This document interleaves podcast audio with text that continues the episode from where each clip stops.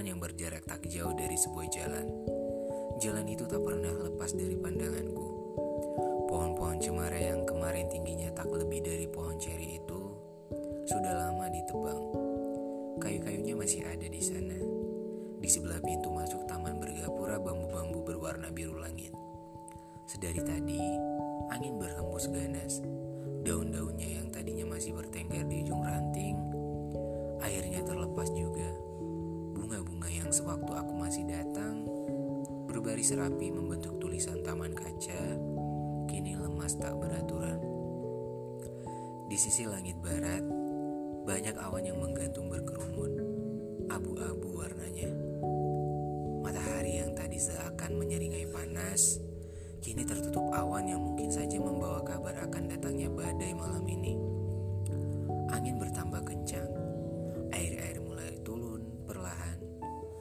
Saluran irigasi kembali pada pekerjaan semula, aku pergi ke seberang jalan depan taman untuk berteduh di depan toko-toko barang-barang plastik. Aku heran, pada cuaca seperti ini masih ada saja orang yang berpergian, termasuk aku. Jalan kini basah kuyup, banyak genangan air di sana-sana. Aku berniat menunggu seseorang yang kupanggil dengan Esther. Selalu menunggunya di taman itu. Setiap televisi memberitakan akan datangnya hujan lebat. Pagi tadi, televisi di channel 13 memberitakan bahwa di kota ini akan terjadi badai yang lumayan besar. Suhu yang tercatat pada termometer menunjukkan angka 23 derajat Celcius. Badanku terasa dingin. Bajuku basah kuyup tersiram air yang terciprat oleh mobil-mobil yang lewat dari arah barat tadi. Tiba-tiba, ada seorang gadis berkacamata bundar ikut berteduh di sebelahku. Bajunya basah kuyup setelah diguyur hujan yang baru saja turun. Tas jinjing berwarna hitam yang terbuat dari kain beludru juga basah. Gadis itu beruntung. Isi di dalam tas itu tidak ikut basah. Permisi tuan, Bolehkah saya berteduh di sini bersama Tuhan? Tanya gadis itu seketika membuat aku tersadar dari lamunanku tentang Esther. Boleh saja, Nona. Teritisan ini masih bisa menampung kita berdua. Aku bergeser sedikit ke kiri, memberikan isyarat kepada gadis itu agar berteduh di sebelahku. Aku kembali memandang jalan. Perasaanku mengatakan bahwa hujan akan turun. Hujannya mulai deras. Ucapanku membuka perbincangan setelah kami berdua terdiam sekitar 10 menit. Iya, sepertinya hujan akan turun cukup lama. Jawabnya dengan ramah. Gigi-gigi yang berderet rapi membentuk sebuah senyum yang hangat.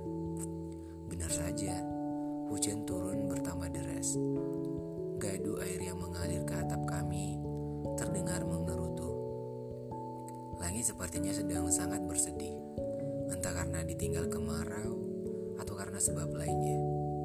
Beginilah saat hujan terus mengguyur. Aku yang bebas menjadi tahanan yang dikurung di dalam rina-rinai air yang telah diuapkan oleh matahari siang tadi. Kemudian, kami berbincang-bincang seperti laiknya orang yang baru saja bertemu dan baru saja berkenalan. Dia bercerita tentang kesibukan yang sedang ia lakukan. Aku pun sama aku menceritakan sedikit tentang kegiatanku menulis buku. Tiba-tiba, gadis itu menanyakan sebuah pertanyaan yang membuat aku begitu bingung. Bagaimana menurutmu tentang hujan? Sederet kalimat tanya muncul dari sela-sela bibir gadis itu. Aku tak terlalu menyukai hujan. Hujan selalu menjadikanku perhitungan terhadap waktu. Jawabku dengan Hujan itu terlalu kejam. Sebuah pernyataan keluar dari mulut gadis itu sambil membuka ikatan rambutnya yang basah. Rambutnya menutupi bahunya yang tak cukup cukup lebar. Tas beludru kini ia pindahkan ke pangkuannya sembari mengeluarkan kain yang digunakannya untuk membersihkan kacamatanya yang berembun akibat hujan. Iya, seperti itulah hujan. Dia selalu datang saat tak diharapkan.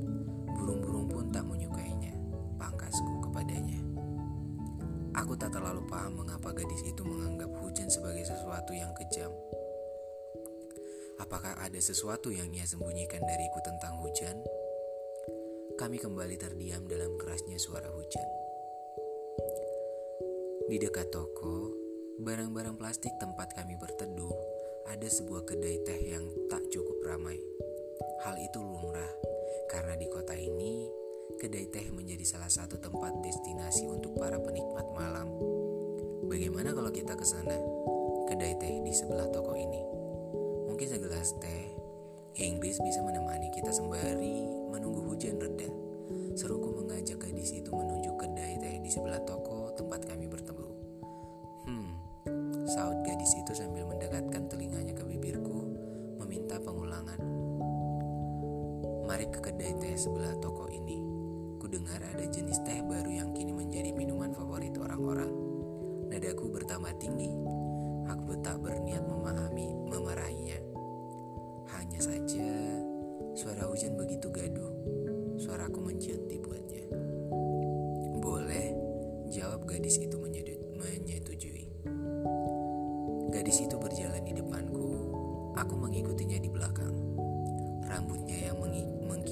basah terlihat sangat indah.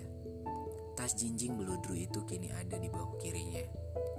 Langkah kami beriringan mencari tempat kering yang tidak bergenang air. Tak terasa, kami sudah berada di depan pintu masuk kedai itu. Gedungnya cukup bagus, terlihat seperti bangunan kuno yang mencolok mata. Bangunan di sekitarnya sudah setinggi dua kali bangunan kedai itu. Di depannya tertulis kedai kaca. Tanpa pikir lama, kami masuk dan terdengar bel yang menandakan ada pelanggan yang datang. Di dalam kedai, hanya ada beberapa orang yang saling berpapat, berpasangan dan berpapasan. Raut wajah mereka menyeratkan rasa terima kasih kepada hujan. Mungkin karena hujan, mereka bisa menghabiskan waktu dengan orang yang mereka kasihi. Dua gelas teh Inggris hangat kami pesan untuk sekedar menghangatkan tubuh yang kedinginan karena hujan dan angin yang turun secara bersamaan. Gadis itu perlahan mencicipinya. Tangannya yang tadinya menggigil kedinginan, kini sudah terlihat sedikit mendingan. Mungkin karena hangatnya teh telah merasuk ke dalam aliran darahnya. Menurut buku yang kupinjam dari seorang teman, dijelaskan bahwa orang Inggris memiliki sebuah tradisi meminum teh yang disebut afternoon tea Afternoon tea adalah sebuah tradisi meminum teh di saat sore hari. Selain untuk mengisi waktu jeda antara makan siang dan makan malam, afternoon tea adalah ajang bersosialisasi bagi kaum bangsawan Inggris di masa itu. Gadis itu melepas kacamata bundarnya yang berembun, ditaruhnya di atas meja sebelah gelas tehku yang sudah kuminum separuhnya. Tuan, bolehkah saya tahu nama Tuan? Tanyanya sambil menyelidiki mukaku yang basah. Oh iya Nona, maaf saya lupa untuk mengenalkan diri saja. Panggil saja nama saya Arya. Jawabku sambil membenarkan posisi dudukku. Nama saya Sandi. Sahutnya sambil mengulurkan tangannya pertanda mengenalkan dirinya. Tangannya lembut, kuku-kukunya yang bersih dan cantik. Kami tenggelam pada sebuah dialog yang hangat Hujan di luar tak kunjung reda, rintiknya semakin menjadi-jadi. Hembus anginnya semakin membabi buta. Namun, syukurlah kami menemukan sebuah kedai teh yang hangat di dalamnya. Setelah 40 menit, kami kehabisan pokok pembicaraan. Gadis itu kembali terdiam. Begitu pula denganku. Kembali suasana menjadi asing bagi berdua. Kulihat di luar jendela kaca, hujan semakin menjadi-jadi gemuruh yang menggelagar, menggetarkan kaca kedai. Ingin sekali aku kembali berbincang dengan Sandi. Seorang gadis manis yang baru aku kenal tadi, mungkin hujan bisa jadi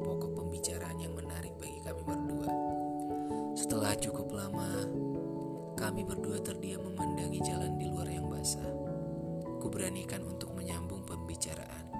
Oh iya, tadi kamu berkata jika hujan itu kejam, mengapa bisa seperti itu? Aku berpindah posisi ke sebelah jendela dan mataku tak pernah terlepas darinya. Hujan tersebut meren pernah merenggut seseorang dariku. Beberapa tahun lalu, seorang laki-laki pernah berkata kepadaku bahwa aku ini seperti hujan, yang rintiknya menyejukkan mata siapa saja yang memandangnya. Aku sungguh mencintai hujan saat itu, tapi setelah beberapa lama, lagi itu pergi entah ke mana. Mungkin dia sudah menemukan hujan yang lebih menyejukkan hatinya daripada aku. Selepasnya, hingga saat ini, aku tak lagi terlalu menyukai hujan. Wajahnya berpaling dari jendela lalu menatapku. Dia terlihat sedih. Matanya yang tadinya sayu, kini berkaca-kaca memperlihatkan kerinduan yang teranap, teramat sangat pada seseorang. Aku pun sama. Aku pernah mencintai hujan dengan sangat. Mungkin melebihi aku mencintai diriku sendiri. Berkatnya, aku pernah terjebak di suatu tempat bersama orang yang sedang yang sangat aku cintai. Orang itu adalah Esther. Seorang perempuan yang telah aku titipkan hatiku padanya. Sudah sembilan bulan Esther pergi ke pusat kota. Katanya, dia ingin menamatkan sekolahnya menjadi sarjana ekonomi dan akan kembali menemui aku sewindu setelah ia pamit akan pergi ke kota. Dia berkata akan kembali saat hujan benar-benar lebat dan saat angin benar-benar kacau. Sudah beberapa kali hujan seperti ini turun mengguyur kota, tapi ia tak kunjung pulang. Aku tak tahu berapa lama lagi aku harus menunggunya untuk pulang. Kabarnya pun aku tak tahu mungkin dia sudah melupakan aku untuk selamanya. Sejak saat itu, aku sudah tak lagi mencintai hujan dengan sangat. Karena menurutku, setiap hujan mengguyur kota, aku hanya akan kembali mengingat tentang Esther yang mungkin tak akan kembali kepadaku. Gadis ini cantik, menurutnya semua menarik. Sepertinya aku mulai tertarik kepadanya. Baris giginya yang putih tertata rapi Besit senyumnya yang sungguh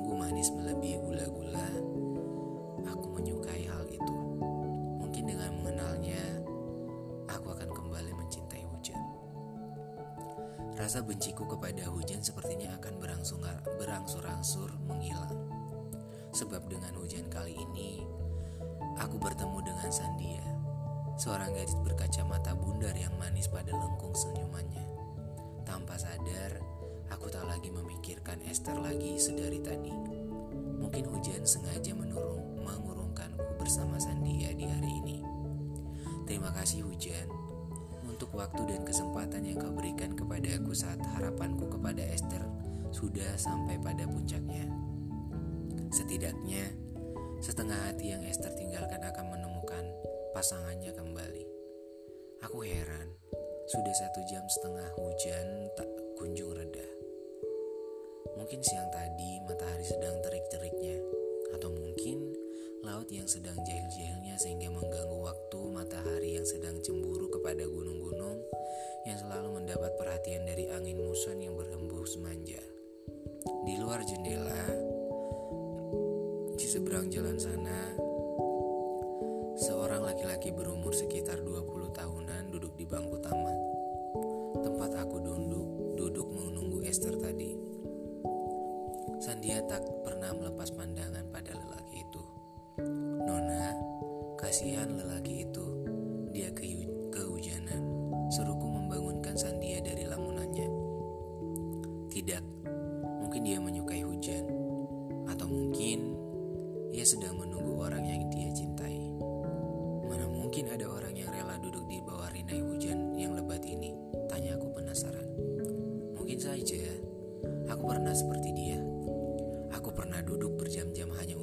menunggu seseorang. Sudah aku katakan kan kepadamu tadi. Aku pernah mencintai hujan dengan sangat. Jawabannya sungguh mengguncangku. Aku tahu dan aku terkadang bingung. Ternyata masih ada orang lain yang seperti aku dulu. Mencintai hujan dengan sungguh-sungguh. Rela menghabiskan waktu yang sangat berharga demi menunggu seseorang yang dicintainya di bawah rintik hujan yang selalu membisikkan agar seseorang menyerah untuk bersabar menunggu. Sandia wanita hebat. Masihkah dia berharap pada seseorang yang pernah ditunggunya? Lalu bagaimana kabar seseorang yang kau tunggu, Nona? Tanya aku menyambung pertanyaan Sandia. Aku sudah lama menyerah untuk terus menunggunya. Sepertinya kita sama, Nona. Kau sudah menyerah untuk menunggu seseorang. Aku pun sama. Aku juga sudah menyerah menunggu seseorang. Hahaha. Ternyata kita sama-sama menyerah soal tunggu menunggu Tuhan. Benar Nona, tawaku menutup perbincangan sesaat. Bertepatan dengan akhir tawaku, hujan di luar mulai reda. Reda hujannya sungguh tiba-tiba, padahal aku kembali menyukai rintik air yang turun tanpa diminta. Tuhan, sepertinya hujan di luar sudah berhenti. Maukah kau kutemani? Maukah kau temani aku jalan-jalan ke kantor pos? Tanyanya sambil kembali mengikat rambutnya yang sudah mulai mengering. Hmm, boleh. Aku juga sedang tidak ke ada kesibukan akhir-akhir ini. Jawabku mengakhiri kunjungan ke kedai teh ini. Setelah membayar tagihan teh yang kami minum, kami keluar dari kedai. Orang-orang yang tadinya ada di kedai kini masih ada di sana. Tawa mereka sungguh lucu menggambarkan kebahagiaan yang besar. Aku iri dengan mereka. Sudah sangat lama aku tak tertawa seperti itu. Kami berjalan bersebelahan, aku di kiri dan Sandia di kananku. Tinggi Sandia tak menyamai tinggiku. Tingginya hanya setinggi bahuku.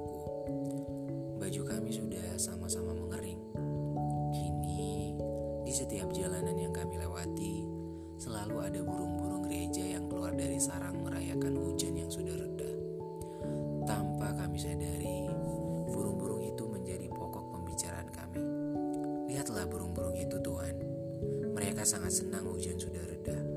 Tangan Sandia diangkatnya setinggi mataku, menunjuk ke arah burung-burung gereja tadi. Iya Nona, burung-burung itu sungguh bahagia melihat jalanan tak lagi mengering. Menggenang. Jawabku menyetujui pernyataan Sandia. Tak puas dengan jawabanku, Sandia kembali bertanya. Kini tangannya sudah tak lagi menunjuk burung-burung itu. Lalu, pernahkah mereka mencintai hujan seperti kita? Pandangannya kini kosong melihat ke depan. Entah apa yang sedang dipikirinya. Mungkin pernah Nona, saat kemarau misalnya. Semua yang hidup pasti membutuhkan hujan Nona. Mungkin burung-burung itu sama seperti orang yang kita tunggu. Dia hanya membutuhkan hujan sesaat jika ia sudah tak membutuhkannya, ia akan saling akan berpaling dan berbalik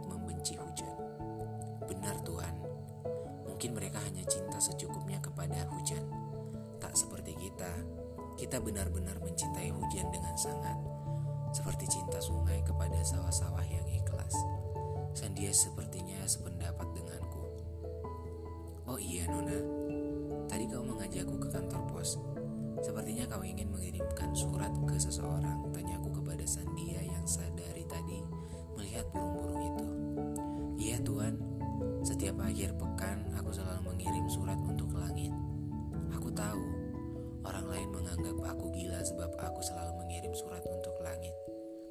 selalu menceritakan sepekan terakhirku kepadanya. Aku juga meminta kepadanya agar bisa mengantarkan aku kepada seseorang yang benar-benar mencintaiku. Jawaban Sandia mengejutkanku. Rupanya dia wanita yang tak bisa kutebak. Menurutku dia luar biasa. Tak terasa kami sudah sampai di, di persimpangan tempat kantor pos itu berada.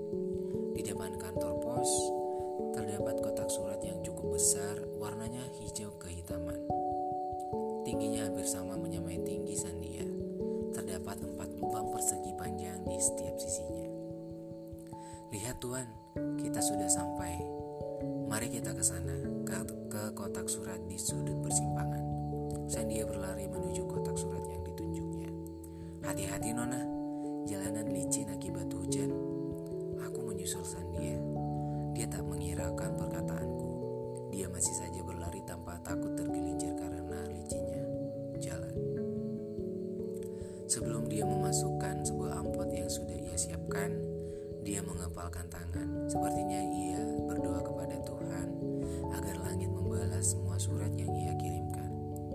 Aku berdiri di belakangnya menunggunya selesai berdoa dan memasukkan amplop putih yang amplop putihnya ke dalam kotak surat itu.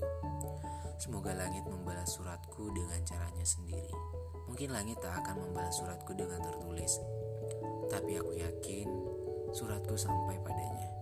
Mungkin lewat kehendak Tuhan, langit mempertemukan seseorang yang bisa mencintaiku dengan sungguh dan tak sekedar singgah. Kata-kata Sandia sungguh luar biasa. Mungkinkah orang yang dikirimi dikirim langit untuk bisa mencintai ada mencintainya adalah aku?